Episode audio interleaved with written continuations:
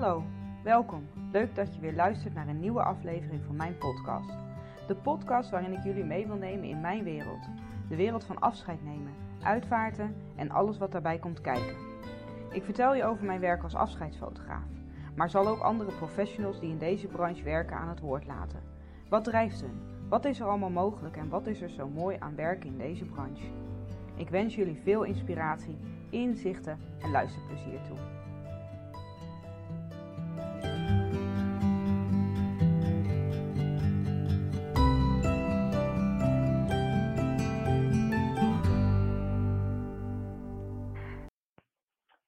Welkom weer bij een nieuwe podcast. En uh, vandaag uh, ga ik in gesprek met Leonie. En Leonie is een rouwcoach en ervaringsdeskundige op het gebied van het verliezen van een baby. Uh, dan wel tijdens de zwangerschap, dan wel na de zwangerschap. Um, het is een heel warm, open en lief gesprek geworden waar zij inzicht geeft in hoe zij werkt. maar ook wat um, wat haar mening is over wat wij als maatschappij nog kunnen leren over rouw en hoe we omgaan met rouwende mensen. En dan met name ook uh, bij kinderen, maar ook waar je tegenaan loopt. Wat zijn nou de problemen uh, die je mogelijk tegenkomt op het moment dat je een, een kind verliest? En, uh, nou, zij, ik merkte in het gesprek dat ze er echt enorm veel ervaring over heeft. Dus ze haalt heel veel praktische dingen ook aan over, over hoe je daar dus mee om zou kunnen gaan um, als, als rouwende, maar ook als degene in de omgeving, zeg maar. Dus um, hele waardevolle podcast geworden, denk ik. En um, ze gaat binnenkort, het ligt er natuurlijk ook aan wanneer je dit luistert, een e-book uitgeven die je via haar website kunt aanschaffen. En ik denk, uh, zonder dat ik het nu gezien heb, maar wel op basis van wat ze allemaal stelt heeft, dat daar enorm veel kennis en heel veel praktische tips in zitten. Dus uh, als je daar meer over wil weten of iemand kent die daarbij hulp bij zou uh, kunnen gebruiken, ga vooral eventjes naar haar socials of haar website toe. Veel plezier met luisteren. Hi Leonie, welkom uh, in mijn podcast. Hi, dankjewel. Uh, ja, bedankt voor de uitnodiging. Ik, ja, hartstikke leuk. Jij ging heel spontaan. Jij mailde mij in mijn vakantie um, of je mij mocht benoemen in jouw e-book. Daar gaan we het zo uitgebreid denk ik over hebben. Um, mm-hmm. En toen dacht ik, ja, dan is het ook best leuk om elkaar wat beter te leren kennen in mijn podcast. Um, voordat we inhoudelijk aan het, uh, aan het gesprek beginnen, is het natuurlijk heel handig dat je even voorstelt wie je bent, waar je vandaan komt en wat je precies uh, doet. Uh, ik ben Leonie Nuijen, ik woon in Beverwijk. daar woon ik weer sinds kort, want daarvoor woonde ik heel lang in Amsterdam. En ik ben rouwcoach voor um, moeders en ook vaders die een baby tijdens de zwangerschap of vlak daarna zijn uh, verloren. En uh, ik ben opgeleid toegepast psycholoog in HRM en verpleegkundige. En ik ben ervaringsdeskundige uh, op het gebied van verlies van baby's. En in dat kader dacht ik, ik heb zelf heel veel gemist. In goede begeleiding, ook om weer zwanger te worden, hoe, de, hoe de nazorg, hoe je je leven weer gaat oppakken. Je loopt tegen zoveel dingen aan. En uh, ja, opeens dacht ik, ik ga, ik, ga, ik ga daar mijn beroep van maken. En ik ga erover schrijven, uh, om het taboe uh, te doorbreken. Uh, want je kan gewoon gelukkig zijn. en verdriet en liefde gaan gewoon hand in hand. En ja, ja dat is wat ik doe. Ja, en ben je dat, doe je het al lang? Nee, ik doe het nog niet zo lang. Ik, wel met voorbereiding ben ik ongeveer een jaar geleden begonnen en ik ben nu ongeveer een jaar bezig pas. Ja. Oh en uh, het bijzondere was dat ik laatst een, kraam, een kraamvisite was van een, mijn eerste cliënt. En dat is ook wel heel bijzonder om dan daar te zijn. En dat was Oh. precies een jaar later. Ja. ja. Oh, dat is heel bijzonder. Ja. ja. En voordat we het over je werk gaan hebben, je geeft zelf aan ervaringsdeskundige, je moet zelf ook aangeven waar voor jou de grens ligt om het daarover te hebben. Hè? Maar Mhm. Ehm, jij hebt blijkbaar ook het een en ander op dit gebied dus meegemaakt. Ja, ja ik heb, uh, wij konden niet zwanger worden, dus ik ben heel veel lang IVF-traject gehad.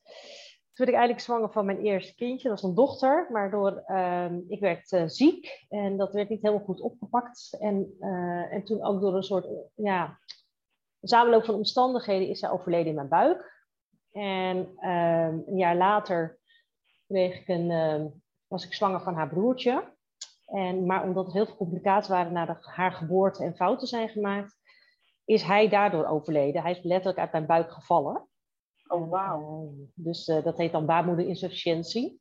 Je voelt niks, maar je kind valt eruit. En um, dat hebben ze nog geprobeerd om dat te stoppen, maar uiteindelijk is dat toch niet gelukt. Dus dat was een hele spannende periode die uiteindelijk dan toch heel verdrietig eindigde.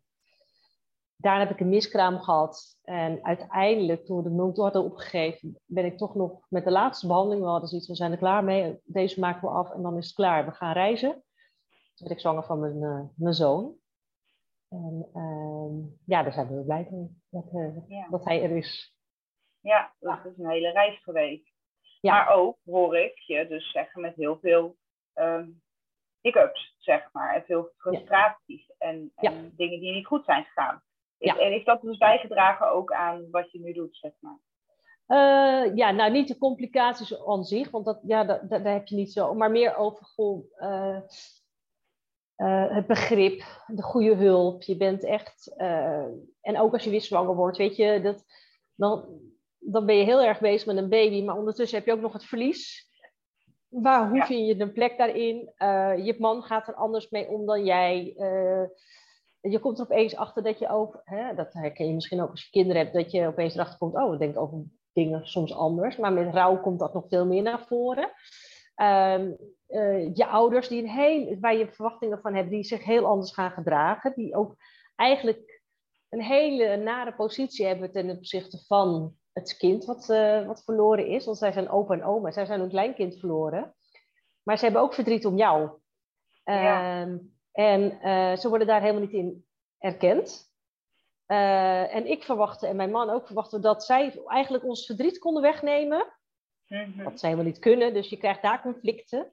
Dan heb je nog zussen en broers die ook aandacht willen. Daar gaat het goed mee. En dan ben je jaloers. Dus er komen ook allemaal gevoelens. En, en, we leren dat je niet jaloers mag zijn. En je mag het allemaal niks misgunnen. Maar ondertussen krijg je wel vriendinnen in je omgeving die dan wel een baby krijgen. En dan zit jij met een lege buik. Ja. Nou, dat soort dingen. En, uh, nou, en eigenlijk werd het... Ik heb wel hulp gehad. Maar eigenlijk was het meer alsof ik een ziekte had. Dus ik werd door de psycholoog. Zelf, ik heb zelf toegepast psychologie gedaan. Uh, bijna... Ja, cognitieve gedragstherapie, weet je, dat soort dingen. Dus eigenlijk alsof je een ziekte hebt. Terwijl het is een heel normaal proces wat bij uh, rouw hoort. Ja. En, um, en dat is het meest frustrerende geweest. Dus wat ik deed, ik vooral het heel, veel wegstoppen. En vooral bezig zijn met een nieuwe baby. En pas, uh, er kwam pas plek voor rouw toen, toen mijn kindje geboren was. Ja. En dat is, uh, dat is uitgestelde rouw, noem ik dat maar. Maar dan komt hij ook heftiger binnen. Ja, ja, precies.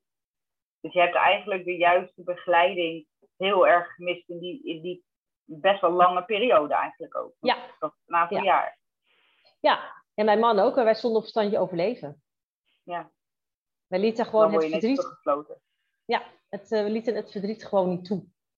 Nee. Nee. Uiteindelijk wel de juiste hulp gevonden of het echt zelf gedaan? Uh, het zelf gedaan, ja. ja. ja. Uh, uh, wel uiteindelijk wel wat mensen die dan bijvoorbeeld opeens zinnige dingen zeiden, zeg maar. Hè, dat ik opeens tegen iemand heel boos kreeg, ook ruzie echt met mijn ouders. Ehm, en die, um, wacht even, hoor je het koffiezetapparaat? Of niet? Nee. Oh, nee. En um, ja, ik dacht, hoe ga ik daarmee om? En toen zei opeens iemand, en die was helemaal geen rouwdeskundige, zei, maar goh, je vindt het niet erg dat je man anders met de rouw omgaat, maar van je ouders accepteer je het niet. Nou, dat was bijvoorbeeld echt een hulp, een helpende vraag waar ik over na ging denken, wat mij hielp. Oh ja. En uh, dat ik dacht, oh, zo heb ik er niet naar gekeken. Nou had ik, uh, was ik wel in een omgeving dat ik, mijn beste vriendin jaren daarvoor een kind was verloren. En uh, vrienden van mijn ouders die ook een, hun zoon waren verloren. En zij luisterde alleen maar. En dat merkte ik opeens, daar had behoefte aan. En opeens ga je ook praten, goh, was het dan een beetje voor jou? Dus hè, als lotgenoten die al over het proces heen waren, uh, daar vond ik opeens aanknopingspunt wat ik nou zo belangrijk vond. Nou ja, en toen ben ik gewoon gaan zoeken. Toen dacht ik, goh, wat mijn eigen kennis, wat heb ik gemist? Wat had ik fijn gevonden? En um, ja, en dat ben ik uh, En uh, gaan toetsen ook, want sommige dingen, toen mijn vriendin hielp jaren geleden, zei ze, nou wat ik zo fijn aan jou vond, is dat ik altijd over mijn dochter mocht praten. Altijd. En ze zegt, dat was zo voor mij zo fijn, dat ik eigenlijk, was niemand die vroeg naar mijn dochter. En jij was de enige die continu vroeg hoe het ging en of ik er miste en wat ik eraan deed en hoe ik opstond. En uh, nou ja, dat, dat soort dingen. Dus dan heb je van die helpende en dan ga je dat ja, categoriseren. En denk je, oké, dit, dit is nodig en dat. En toen ben ik ook gaan lezen over rouw. Dus Manu Kirsche vind ik wel het Ja. echt... Hè, want er is ook andere, maar dat, die gaan weer vanuit de pathologie bijna. Van ehm, eh, het model van, ik ben ook zijn naam vergeten. Echt wel mooi, maar dan ga je ook weer vanuit de pathologie. En Manu Kirsche zegt ook, het is gewoon, ja, het hoort gewoon bij het leven. En eh, ja, en al die kennis daarin verzameld. En dacht ik, nou, nu, eh, nu ben ik er om toe om er wat mee te gaan doen. Ja. En toen ben je je bedrijf gestart als, uh, als rouwcoach. Ja. Um, op het moment dat ik bij jou kom, uh, omdat ik iets heb meegemaakt, wat gaan wij doen dan samen? Wat, wat, uh, wat doen we? Nou ja, ik zeg altijd, wat we gaan doen is, is echt helemaal het gevoel omarmen. Want we gaan echt dwars door de rouw heen. Ik zeg wel eens, je, moet, je gaat het monster recht in het gezicht kijken. En je gaat hem ook vastpakken. En echt, en uh, een eerste keer gaan we vooral luisteren. Gaan we kijken van hoe is nou de begrafenis geweest. We gaan herinneringen maken. Uh, dat je echt het besef ook hebt om te toetsen of iemand ook echt van... Denk het al tot iemand door, want anders is de andere instap, zeg maar. Ja. En, um, en in het begin vinden mensen dat lastig. Huh, omarmen. Ik zeg ja, want pas op het moment dat je durft te omarmen, kan je het ook loslaten. En Ja. is het niet zo aanwezig. Dus ik train ze heel erg, want wat gebeurt er vaak? Het is zo'n taboe dat mensen er niet over durven praten, mogen praten. Dus ze voelen zich ellendig en stoppen dat weg. Maar dan wordt het steeds groter. Het is net een vulkaan. Ja. En ehm, ik ga ook echt een bodyscan doen. En, dan- en dan eh, merken ze opeens, zeggen ze, Hé, ik voel echt daar iets. En eh, ik leer ze dus ook om het toe te geven. En ja, dat is niet, tweede, de tweede sessie is altijd het meest verdrietige. En dan, en dan snappen ze en dan, en dan krijgen ze huiswerk mee. En ehm, eh, dagboeken bijhouden. Ehm, ik geef ze tips van ehm, lichtpuntjes zoeken. Hoe kan je ontspannen? Hè, want je moet, je moet ontspanning zoeken en je moet af en toe het verdriet opzoeken. En daarheen zit je tussen heen en weer te slingeren. En daar gaan we naar zoeken. En ook waar, even kijken van wat hielp je. Dat maak ik. eh, doe dus het ligt ook een beetje aan hoe de situatie is. Dat is- en dan hebben we het over relaties. Want daar gaat het dan ook over. Ze krijgen ruzie met mensen. Mensen voelen zich mensen niet eh, begrepen. Nou, dan ga ik ook echt uitleggen hoe die processen werken. En we gaan ook, en vaak ook, ik ga ze oefenen hoe zij ehm, de hulp kunnen vragen. Want heel veel mensen willen we helpen, maar weten het gewoon niet. En men voelt zich onbeholpen en daardoor zeggen mensen dingen. eh, heel goed bedoeld, maar ongelooflijk kwetsend. Of bel mij maar als je me nodig hebt. Nou, ja, precies. Kijk, dat bedoelen ze alle, heel goed. hield alle woon- wonden, zeg maar, weet je wel. Ja, of, eh, eh, Ja, ehm, eh, wat ik vaak hoor is dat er was iemand die zei van nou, het leek alsof je in mijn hoofd kon kijken. Ja, zei ze, ja, het is gewoon domme pech hoor, dat ik mijn kind ben verloren. En, ze zei, en jij zei domme pech? Nee, dat is de ANWB. Dat is een lekker band en dan komt de ANWB. Bij jou is het gewoon noodlot, het is geen domme pech. Ik snap het, je kan er niks aan doen. En hè, het is je overkomen, maar het is geen domme pech. En toen zegt ze, nou eindelijk voelde ik zo die erkenning, zo van, ja. Ja. het is geen domme pech. En Ja, het- eh, dus, Nee, gaan we. Sorry. Ja. dus, dus daar gaan we ook echt naar zoeken van wat, wat wordt er nou bedoeld. En ook van, hé, hey, maar als iemand dat nou tegen mij zegt, hoe kan ik nou zorgen dat het me niet raakt? Maar dat ik het ook teruggeef zonder ruzie krijgen. Nou, dan oefen ik ook Ja. echt zinnen. Zo van, eh, waardoor, de, ehm, waardoor de, eh, het connectie en de verbinding blijft. En ik leer ze ook van, ja, je kan niet accepteren dat mensen het jou begrijpen, zeg maar. Waardoor met elkaar over te praten en niet, en niet te verwachten dat die ander anders gaat doen, eh, kun je wel verbinding hebben. Dus bespreek het. Eh, en ik gebruik heel veel metaforen, bijvoorbeeld een olifant in een kamer. En ik zeg, nou ja, iedereen ziet die olifant staan en iedereen denkt dat de, we praten vooral niet over de olifant, weet je wel. Maar ja, die olifant zit aan de andere kant en jij zet hem voor, dus je kan elkaar niet zien. Dus ik, eh, op die manier het inzicht kweken. En ehm, nou ja, dan zie en, nou ja, en daar hebben we het dan over. En dan op een gegeven moment van, eh, gaan we het hebben over van Maar hoe ziet het leven er dan uit? En eh, zijn er dingetjes waarin je hem kan denken op je kindje? Wat geeft je blijdschap? En, ehm, en ik leg ook uit dat het soms ook dat, die, dat verdriet nooit meer overgaat. Dat blijft. En ja, zoals Manu Kiersen het zegt, het verweet in het leven. Ja, ja ik zeg uh, hand, uh, liefde en rouw gaat hand in hand. Meestal is de liefde leidend en soms neemt de rouw het even over. Ja, ja. ja nee, wat ik wou zeggen net, uh, is dat, dat, ik ben ook fan van Manu Kiersen natuurlijk wat hij ook echt in deze boeken ook aangeeft, wij leren niet over rouw te hebben met elkaar. We, we, we, hebben geen idee uh, hoe we ermee om moeten gaan. We leren het simpelweg niet. werkgevers leren niet hoe ga ik om met een werkgever of een werknemer die, die met rouw te maken heeft. Hoe gaan die processen? Weet je, nou ja, goed, dan krijg je een paar dagen vrij, maar heb je last van uitgestelde rouw, dan heb je er niks aan. Dan wil je misschien wel gelijk aan de slag. Maar die, die boemerang komt een keer terug. Maar dan is er geen, geen begrip meer vanuit de werkgever. Want hè, het is toch al een half jaar geleden, of het is toch al een jaar geleden. En, en datzelfde geldt voor ons. Oh ja, dan, dan, dan loopt ook kom diegene tegen die iemand net heeft verloren. En ik, ik leg een blokje om, want ik weet niet wat ik moet zeggen. Weet je? Gewoon ja. dat. We leren het niet. Nee, nou, op mijn website heb ik het ook alsof je een ernstige ziekte hebt. Je ziet dat iemand jou ziet en dan de, de, uh, ergens heen gaat. Je wordt vermeden. En uh, nou, dat. En daar, daar heb ik in mijn e-book ook, ik heb me dan gespecialiseerd op ouders die een kind hebben verloren, maar ook gewoon al die inzichten, maar ook bijvoorbeeld hoe werkgevers uh, met je zouden om moeten gaan. En hoe jij zelf uh, met jouw werkgever moet omgaan. Hè? Want ik bedoel, um, in mijn geval, uh, mijn collega was bevallen van een kind en ik verloor een kind. We zaten op één kamer. Oh ja. En uh, ik was heel blij voor haar, maar ik was ook jaloers. Maar ja, jaloers mogen we niet zijn. En zij uh, durfde natuurlijk niet heel vrolijk over haar kind te praten. Want ja, dat was wel heel zielig voor mij. Dus wat ja. ging ze doen? Dan ging ze met andere collega's gingen ze de deur dicht doen. Ja, ja nee, dat is lekker. Ja. ja. ja. Maar ik was ook jaloers, hè. Ik, hè? En, ja. en, uh, het is heel ambivalent, weet je. Uh, je ja. gunt het iemand, maar ondertussen nou, en daar, en daar schrijf ik dan over. En daar heb ik het ook met mensen over. Want dat is vaak het grootste struikelblok. Die gevoelens, um, ik noem het wel eens um, uh, de strenge meester. Of noem het de naam. Iemand die dat stemmetje op je schouder zegt. Nee, maar je mag niet erdoor zijn. Nee, je mag dit niet voelen. Hè? We, we, zijn nogal geneigd om te labelen dat bepaalde gevoelens fout zijn. Ja. Maar ze zijn menselijk, zeg ik. En, uh, en dan probeer ik op een andere manier daarna te kijken. En dan valt vaak het kwartje dat zegt, ja, maar ik ben ook hartstikke jaloers. En dan zeg ik, dat is logisch. Ja. Maar het is niet dat je die anderen het niet misgunt. Nee, nee. nee zegt ze, dat is ook niet zo. Ik zeg, maar je wil het zelf ook. En dat is een heel ander gevoel van jaloezie. En in Nederland ja. hebben we maar één woord daarvoor, jaloers. Ja. En, um, en, nou ja, en, en, en daar heb ik het vooral met ze over. Dus gewoon, um, ik ga het leven niet mooier maken, maar wel luchtiger.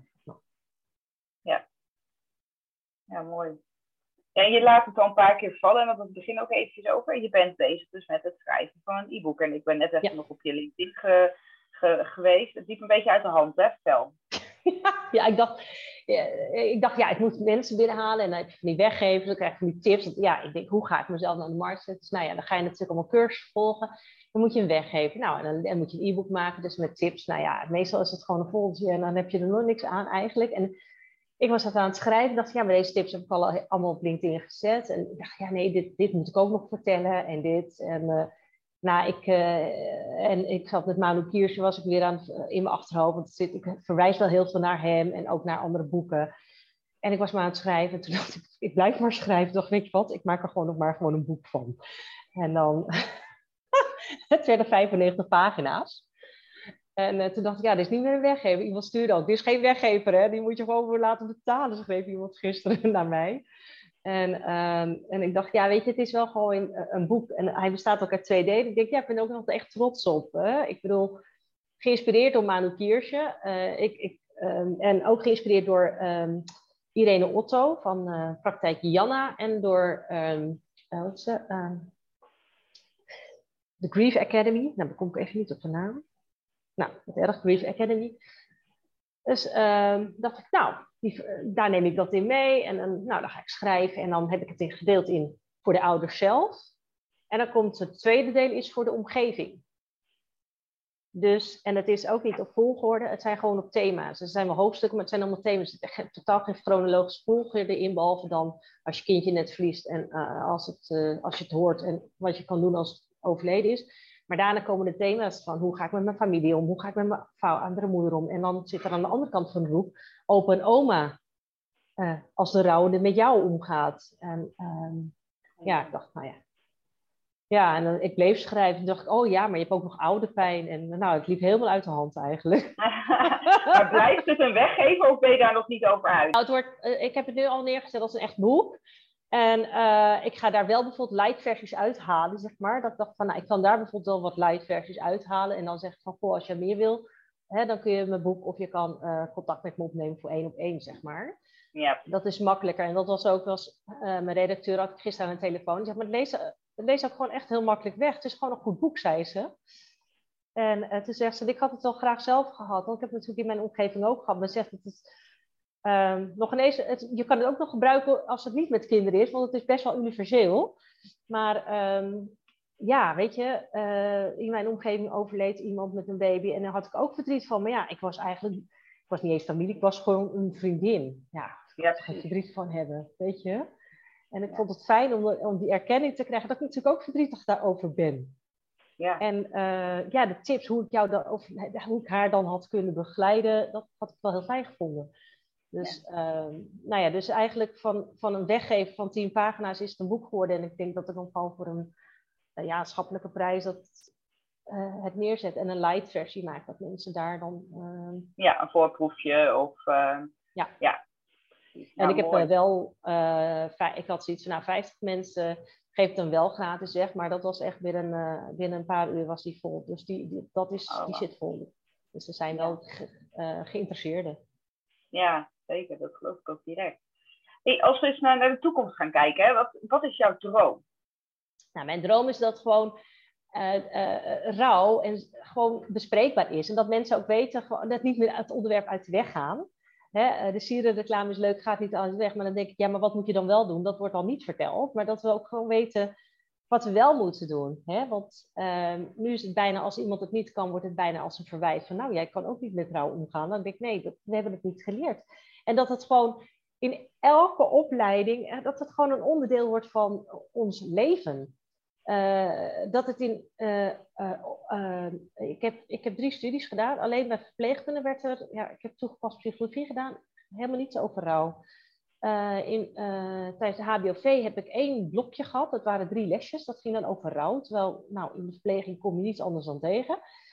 En ehm, als in HRM hebben we het ook helemaal niet over managementopleidingen. Terwijl geen goede begeleiding bij rouw zorgt dat mensen ziek worden. En we hebben het wel over ziekteverzuimbegeleiding. En we lopen te te bellen van hoe we dat dan naar beneden moeten halen, maar we doen niks op de preventie.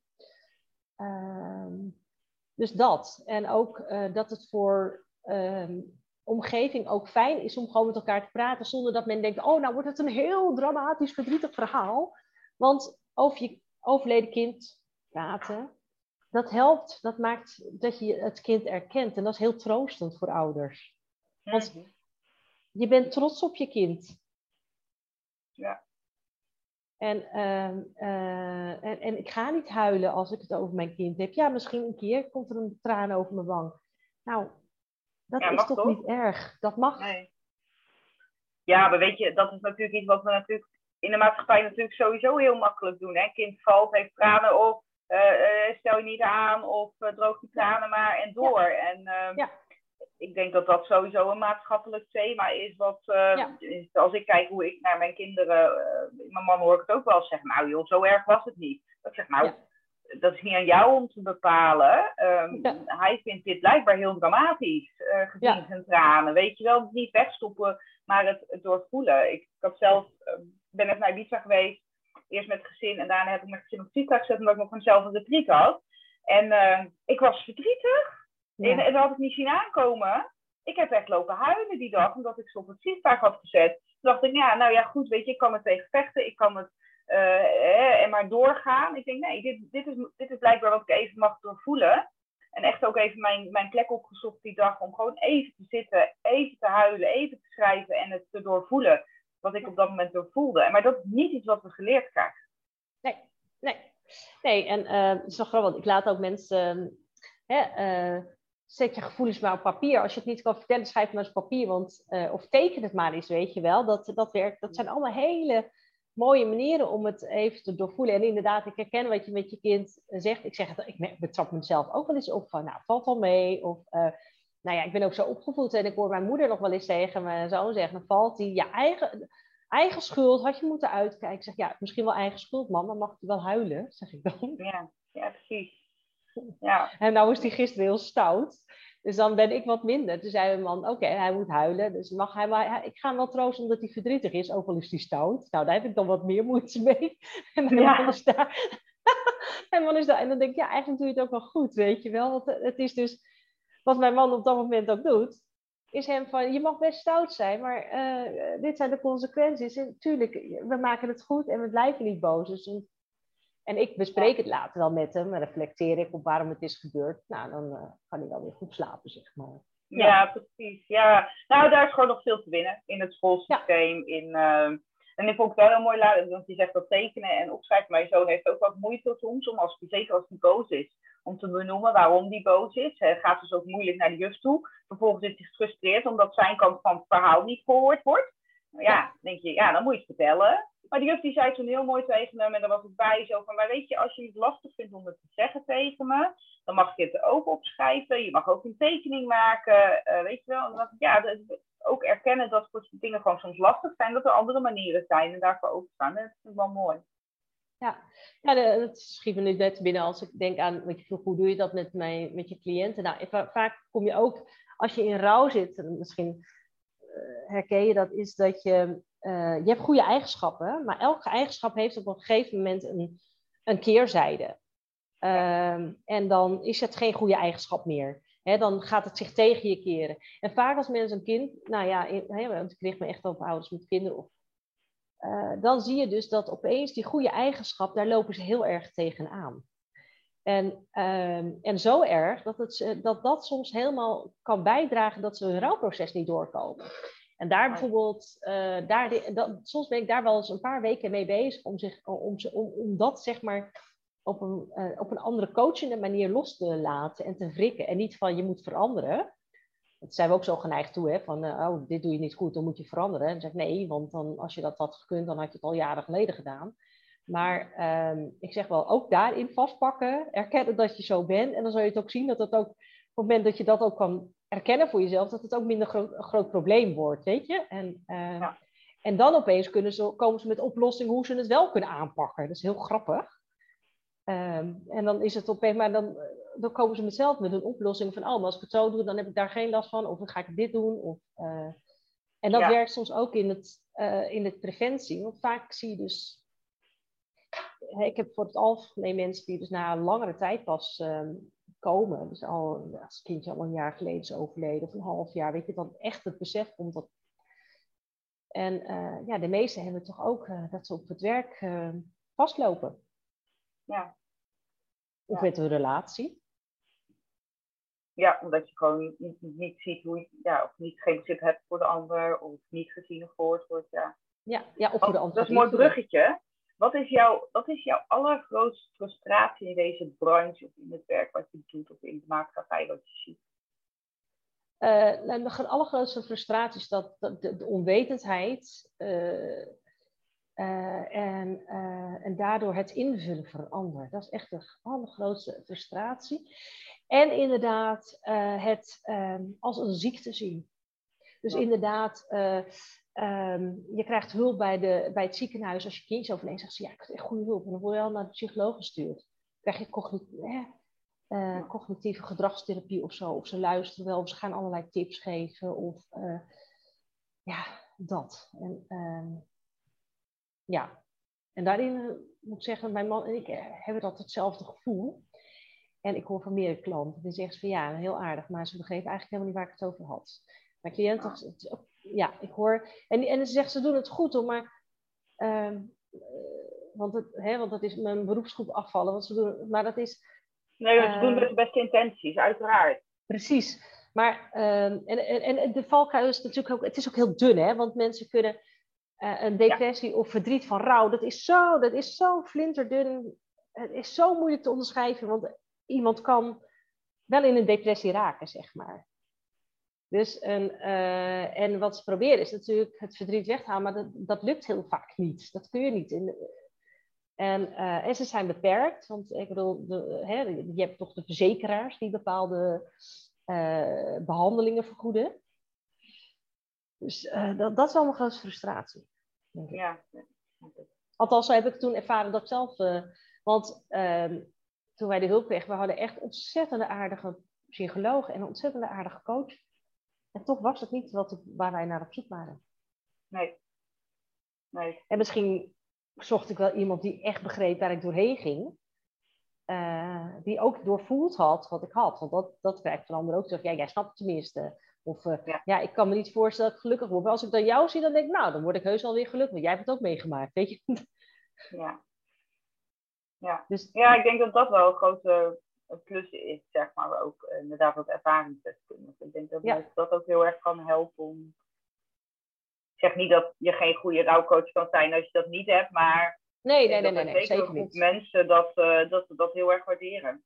Ja, ja en ja. sommigen ook niet. Dus het, het, weet je, het, is, het maakt het... Uh, maar het is gewoon een andere benadering. Dus uh, ja, dus echt een andere benadering. Dat, dat, dat, dat, ik denk dat dat de grootste frustratie is. Uh, of je het vanuit ziekte benadert of vanuit een, uh, een groeimodel. Laat ja. zo zeggen. Ja. Oh, dat vind ik mooi. Ja, dat vind ik mooi ja. dat je zegt. Groeimodel. Ja. Ja. ja. Hey, ja en, um, een vraag die ik, die ik ook altijd leuk vind om te stellen hoor. Is er een, uh, een cliënt, en zonder namen te noemen of te veel details, maar een opdracht die enorm is bijgebleven? Ik denk, oh, dat was, dat was zo'n mooi proces en kun je daar iets over vertellen?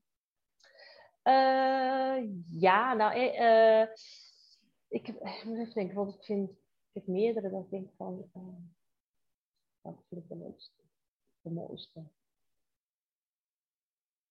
Het is super, een super gemene vraag natuurlijk, hè? Want elk, ja, ze zijn allemaal wel heel erg ja. uniek en mooi. Nou, wat ik wel vond, wat ik een heel mooi, ja, dit, dit is wel een hele mooie, was iemand ehm, uh, die had zoiets van, nou, ik loop gewoon echt helemaal vast, maar ik geloof helemaal nergens in, zeg maar. En uh, niet dat zekerige, daar hou ik allemaal niet van. Ja, toen kwam ze bij mij. Maar ze had uh, via LinkedIn en ze vond dat ik zo treffend schreef. Ja, en ik ging dus een bodyscan doen. Ja. Het was ook nog online, want ze was te ver weg. Dus en ze, ze deed het ook nog even tussen de werk door. Ook heel grappig, hè? En uh, ik dacht, dat voor mij natuurlijk ook wel. Kan dat dan online, zo'n bodyscan? En uh, wat er gebeurde, het was bijna magisch wat er gebeurde. Dat gaf ze zelf ook toe. Ja, en uh, ze zegt, ik weet niet wat er gebeurde, maar het gaf haar zoveel roos. En zij, ze zegt, nou, ik heb zoveel psychologen gezocht, ik heb twee gesprekken met jou gehad. En, en ik, waarom heb ik je niet eerder gevonden, zei ze. En, uh, en, uh, en ze, dat was wel grappig, want die had dus ook helemaal niets met rouw gedaan. En ik zeg altijd, je moet ook een gedenkplek, want je moet eigenlijk een ritueel ook maken. Heel veel mensen denken, nou dan doe ik maar geen naam geven en geen plek. Dan heb ik er geen rouw van. Nou, dat is niet zo. Nee. Dus dat, eh, dus dat had ik als opdracht gegeven. ja, dan zag ze, nou dat ga ik toch maar doen. En ze zegt, dat was zo, ik weet niet, ik voelde me daarna zo lichter. Heeft ze de man ook mee betrokken en ze voelden zich allebei ook zoveel lichter. En nu kreeg ik van haar een uh, berichtje. Uh, ze had opeens een bepaald symbool, in, uh, een symbool voor ogen. En, en dat was dan het symbool voor haar kindje. En nu kreeg ik een foto van dat symbool. Die zat bij hun in de tuin. Oh.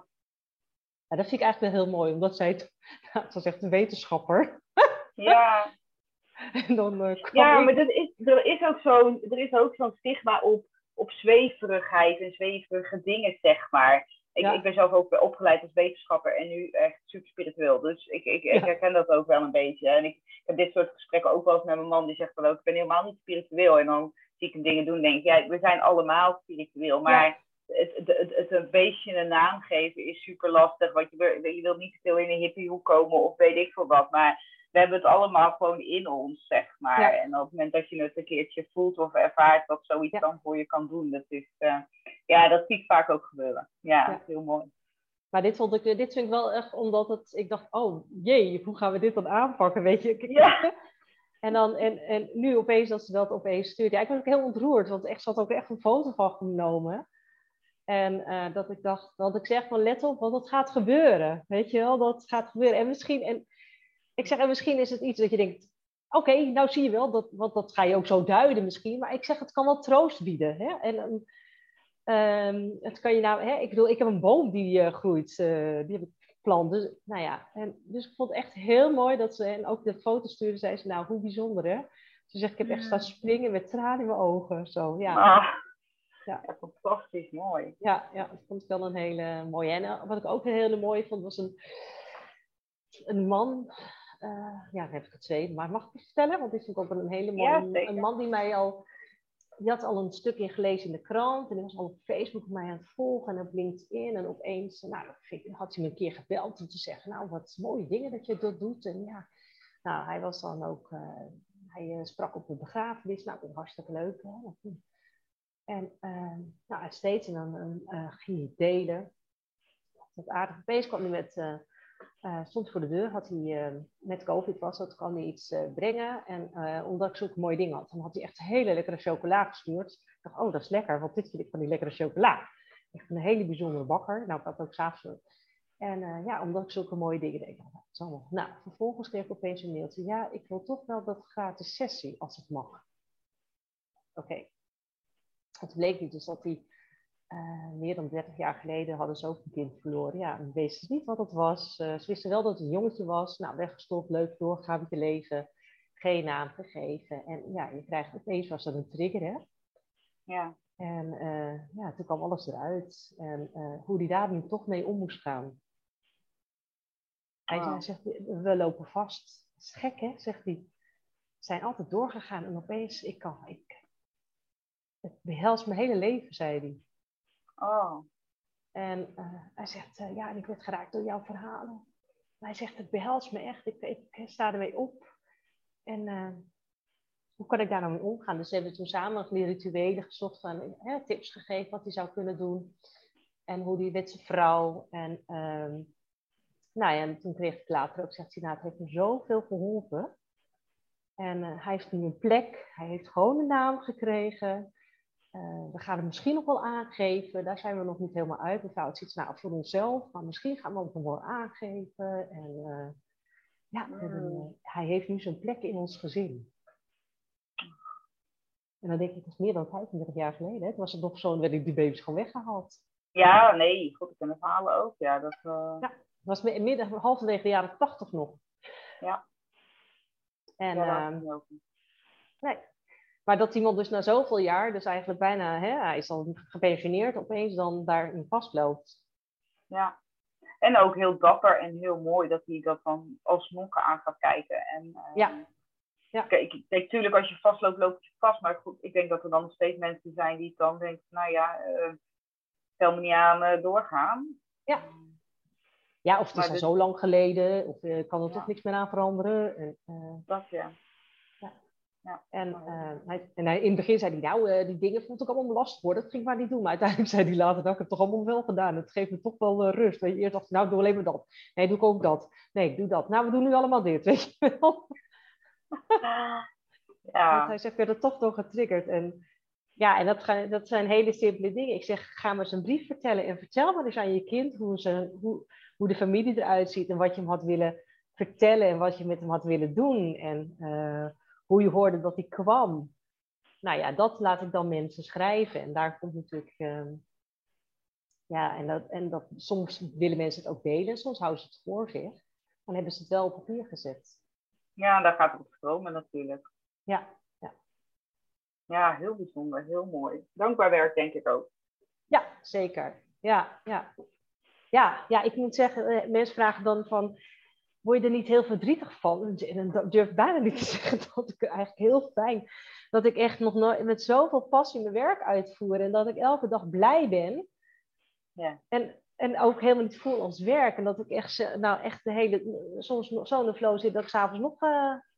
Ja, oh, maar dit is zo herkenbaar. Ik gisteren nog zo gesprek. Ik zei, ik zeg, ik ben serieus blij als ik gebeld word voor een uitvaart. En dat vinden mensen soms blij voor een uitvaart. Nee, maar dan mag ik weer iets heel moois voor mensen maken. En mag ik een steentje bijdragen in hun proces. En dat maakt mij zo intens dankbaar. Ehm, en dus wij mensen in deze branche herkennen dat heel erg. Omdat je eigenlijk ja, je mag eigenlijk niet blij zijn in deze branche. Maar mensen die hierin werken doen dat met hart en ziel en met zoveel mooie intenties. Ja, dat maakt ons blij. Dus, uh, maar ja, dat, dat stukje taboe dat je dat dan eigenlijk niet mag zeggen of niet mag voelen. Maar het is gewoon wel zo. Ja, precies. Dus dat is het ook over de, over de ergernis, zeg maar. Ja. Wat het over struggles, dan is dat wel. Kijk, natuurlijk zeg ik dat niet tegen nabestaanden, hè? Van, god, ik ben blij dat je belt. Nee. nee, weet je, dan gebruik je hele andere teksten. Maar intern ben ik altijd wel dan heel blij. Zo van, jeetje, mooi dat ze mij gevonden hebben. Mooi dat ik dit mag doen. Uh, ja. Ja, ik zeg altijd, ik ben heel dankbaar hè, dat, dat je me meeneemt, meeneemt in jouw proces. Want ze delen heel veel met je. En inderdaad, uh, uh, wij hebben onze kinderen ook laten fotograferen. En ook, um, ook de uitvaart. En zeiden ook mensen ook van wat raar, maar ik ben er nog heel blij om. Ja. Um, en het is, uh, Tuurlijk, het zijn niet de foto's die ik elke dag kijk, maar uh, onze fotograaf die uh, heeft het zo mooi in beeld gebracht. Het is zo intiem. Ja. Weet je, en... Ehm, het is heel liefdevol, denk ik. Tenminste, als, je bent er heel blij mee, maar een goede fotograaf legt de liefde vast op zo'n dag. Precies, precies. En dat zie je heel erg. En ook de, eh, het gedeelde verdriet en eh, uh, hè, opeens zag ik dus wat verdriet van alle mensen in mijn omgeving waar, die dus hè, over de relatie waar we het hadden over, dat je vastloopt. Dan opeens zie je het verdriet van je, van je ouders heel erg binnenkomen. Dat zag ik in het begin helemaal niet. En nu zie je dat. En um, de, de, de, de, de ontreddering van iedereen. Dat, en dan denk ik, ja, weet je, um, ze waren zo gewenst. Dat, ja. dat zie je terug. En dat is... Ja, dat helpt. Ja. Dat helpt. Ja, want het is niet de kist wat helpt. Of als je mooi gestileerd neerzet. Nee, uh, nee, en toch de liefde waarmee dat wordt gedaan, bijvoorbeeld, wel, zeg maar. Ja. Um, dus het zijn wel dat soort dingen die ik ook wel vastleg, maar meer met de intentie van, ja, de, bepaalde keuzes worden um, ja, heel bewust genomen. En dan is het heel fijn om dat in beeld te brengen. Maar nog meer draait het inderdaad om de liefde die je krijgt die dag. Um, een, ja, een glimlach die doorbreekt. Uh, nou ja, dat, soort, uh, dat soort dingen. Ja. Nou ja, weet je, bijvoorbeeld uh, inderdaad... wij hadden bijvoorbeeld bij mijn dochter hadden we zoiets van, ja, geen grote boeket. Het was een heel klein babytje, weet je. Dan heb je een grote. Ja. Dus zij hadden gezegd, nou, willen allemaal dat jullie een bloem nemen die haar symboliseert. En ik ben heel erg dol op plukboeketten. En we kregen allerlei verschillende boeketten. Dus het was ook echt één groot plukboeket. Die we dan weer ergens geschonken hebben. En bij mijn zoon hadden we gevraagd van ja, weet je, geef, uh, geef speelgoed en dan gaat uh, Madelon en Oscar geven dat speelgoed weg aan kindjes die het niet hebben. En iedereen heeft daar massaal gehoor oh, aan gegeven. Zodat de hele zaal was al met speelgoed bezaaid. En, oh. uh, en dat is inderdaad aan een goed doel gegaan. Oh, Naar Stichtingjarige Job, weet je. Dus ehm, ja, dat vond ik dus mooi. Dus eigenlijk, mijn kind gaf zijn speelgoed weg.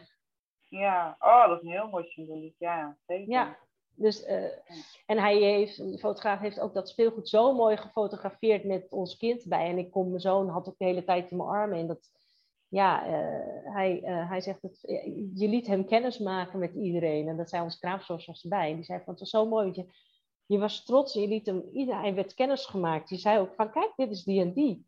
En, en dat zie je ook op die foto's terug. Dat, dat iedereen is kennis aan eh, maakt kennis met mijn kind. Ja. Ja. Dat maar inmiddels zijn we begonnen aan het promotiepraatje over fotografie. Ja. zo, niet de bedoeling, uh, maar wel een, een mooi uitstapje. Nou ja, weet je, uh, ik mag, uh, daarom heb ik jou ook benaderd, weet je wel. Ja. Dat, het is misschien wel een promotieplaatje, maar ehm, om aan te geven hoe iets kan helpen. Ja, dat is het. Dat is het, ja heel erg mooi. Ja, ik heb eigenlijk mijn vragen gesteld, maar zijn er nou dingen die ik niet heb gevraagd waar je het wel over wil hebben of wat je gezegd wil hebben? Uh, nou, niet, ik zou wel willen weten wat jouw visie is op, op, op, op de rouw. Of als je mijn verhaal hoort van herken je dit? Of is dat te ver? Ja, nou, ik herken het zeker heel erg. Ik, ik, uh, wat ik doe uh, na de uitvaart is mensen nog uitnodigen om samen de foto's door te nemen en samen het album te maken dat is soms heel snel na de uitvaart, maar soms ook heel lang daarna. En de frustraties die jij benoemt, die zie ik bij mensen terug. Het niet, ehm, niet begrepen worden, uh, vermeden worden, ehm, dat er niet over gepraat mag worden. Gelukkig, omdat ze mijn foto's hebben, merk ik ook dat ze dat helpt om dat gesprek te openen. Want dan pakken ze de foto's erbij of gaan ze de slideshow die ik maak, uh, die zetten ze op. Uh, met mensen die er niet bij konden zijn. Dat zie ik de laatste twee jaar natuurlijk heel erg ook gebeuren. Dat dingen in kleinere kringen gebeuren. En dat dan de foto's helpen om met mensen die er niet bij waren het gesprek te openen. Maar met name het niet gehoord voelen, het niet begrepen worden door de werkgever, door de omgeving um, en daarin vastlopen. Dat is wat ik veel terug zie. Ja. Ja. En, ja. Uh, ja, komt dan heel vaak ter sprake. Ja. ja, zo van, uh, van misschien is dat ook wat om te lezen. En uh, ja, of inderdaad hulp te zoeken. Maar um, dat, dat komt gelukkig. Ja, het is maar tot zover ze zich ook losgeven bij mij, hè, in hoeverre een probleem. Maar ja, dat zie ik wel eens vaak voorkomen. Zo van ja, god, ik voel me toch wel een beetje alleen. Want ja, de rest van iedereen's leven gaat door. Ja. En um, ja, ik, ik heb nog. Ik wil er nog over hebben, maar ja, dat lukt niet altijd. Want ja, dus dat, die voel ik heel erg. Die zie ik heel veel gebeuren. Ja, me nu toch binnen schuldgevoelens. Die heb ik, hoor ik ook heel vaak. Dat mensen uh, uh, ook als um, dat ze zich schuldig voelen om bijvoorbeeld weer um, te mogen genieten. Of zich schuldig voelen dat ze even niet meer aan hun kind. Heel veel ouders gaan in het begin bijvoorbeeld uh, elke dag een kaarsje opzetten. En opeens zeggen ze, oh, ik heb het dagen niet gedaan. Dan zeg ik, goh, je hebt nog, hè, soms hebben ze nog wel eens kinderen. Dan zeg ik, goh, je hebt nog een kind en die is nu op kamp. Heb je, hoe vaak heb je vandaag aan diegene gedacht? Dan zie je ze groot worden. Uh, nou, eigenlijk niet. Nou, dat nee. is dan heel... Ik zeg dus dat is heel normaal dat je niet elke dag aan je over. Maar je bent bang dat je hem, dat je hem gaat vergeten, maar dan ga je niet doen. Weet je wel? Dus, maar ook bijvoorbeeld als ze dan op vakantie gaan. Ja, ik heb eigenlijk wel weer genoten. Dat voelen ze zich schuldig. Want hoe kan ik nou toch genieten? Hè? En ja. ze, ze, dus ik zeg ook, ik, ik uh, help je ook weer toestaan om weer te genieten van het leven. Ja. Ze, dat is ook een thema waar ik me op richt. Want je mag gewoon weer genieten. Ja, precies. En, uh, maar je moet het je wel, ja, maar zeggen, en dan hoor je wel eens van mensen, nou, dan heb ik genoten. En dan zeggen mensen, goh, ben je nou al op, uh, ben je er nou al overheen? Hè? Dus de omgeving, oh, ja. Over frustraties nog gesproken, de, vergeving die, de omgeving die uh, ad, ongevraagd advies geeft, weet je wel, bemoei je er niet mee. Dat, nou, dit is mijn allergrootste ervaring, denk ik nog. Meer dan bijvoorbeeld de, de, de hulpverlening die het vanuit te veel ziekte benadert mensen die dan, uh, je vraagt er niet om, uh, maar hun meningen geven wat je dan zou moeten doen in deze situatie. Ja, en ook dat gebeurt weer met liefde natuurlijk en met de goede Zeker. willen helpen. Nou, maar zeker, dat is ook weer die altijd. onwetendheid over rouw. Zo van, weet je, ja. vraag ook toestemming of mensen ergens op zitten te wachten. Waar heb je behoefte aan? Want nogmaals, dit, dit zie ik dus ook heel erg bij mijn kinderen. Ik, ik, ik vraag ik, ik ben geen heilige, hè, ik doe het ook wel eens fout. Maar ik vraag dan als ze bijvoorbeeld boos of verdrietig zijn, waar ze behoefte aan hebben. Want je bent dan geneigd om iemand in je armen te pakken. Nou, knuffel je wel even. En dan word je weggeduwd. denk, nee, ik vraag even. Goh, vind je het fijn als ik je nu knuffel? Uh, nee. Oké. Okay. Wil je dat mama weggaat dan? Nee. Oké. Okay. Wil je dat ik even bij je kom zitten? Ja, weet je wel. En dan, dan ja. die toestemming vragen van de ander. Ik kan dan wel tegen mijn kind gaan zeggen, je zou dit en dit nu moeten doen. Maar totaal niet bij iemand dan dat men behoefte aan heeft, weet je wel. Nee. Maar ik ben ook, er is ook wel mensen, het is niet altijd dat mensen de goede, er zijn ook mensen die niet de juiste bedoeling hebben hoor. Bijvoorbeeld dat je denkt ja? van, hm? Ja, ik heb laatst had ik al een stuk geschreven en dat kwam over, dat noemde ik dan de kwetszinnen. De goed bedoelde, maar uh, uh, niet helemaal goed, de goed bedoelde, maar kwetsende zinnen en de echte kwetszinnen. Um, ik kreeg echt een keer te horen van iemand die zei van ja, je moet gewoon je zegeningen tellen. En dit is en uh, eens een keer accepteren dat, uh, dat je geen kinderen kan krijgen. Nou, dat is niks, daar snap ik niet van wat je daarmee goed bedoelt. Nee, je zegeningen tellen, als je, dat is heel pijnlijk gewoon. Dat is gewoon schofferen. En het was zo schofferen dat ik, dat ik gewoon keihard in de lach schoot.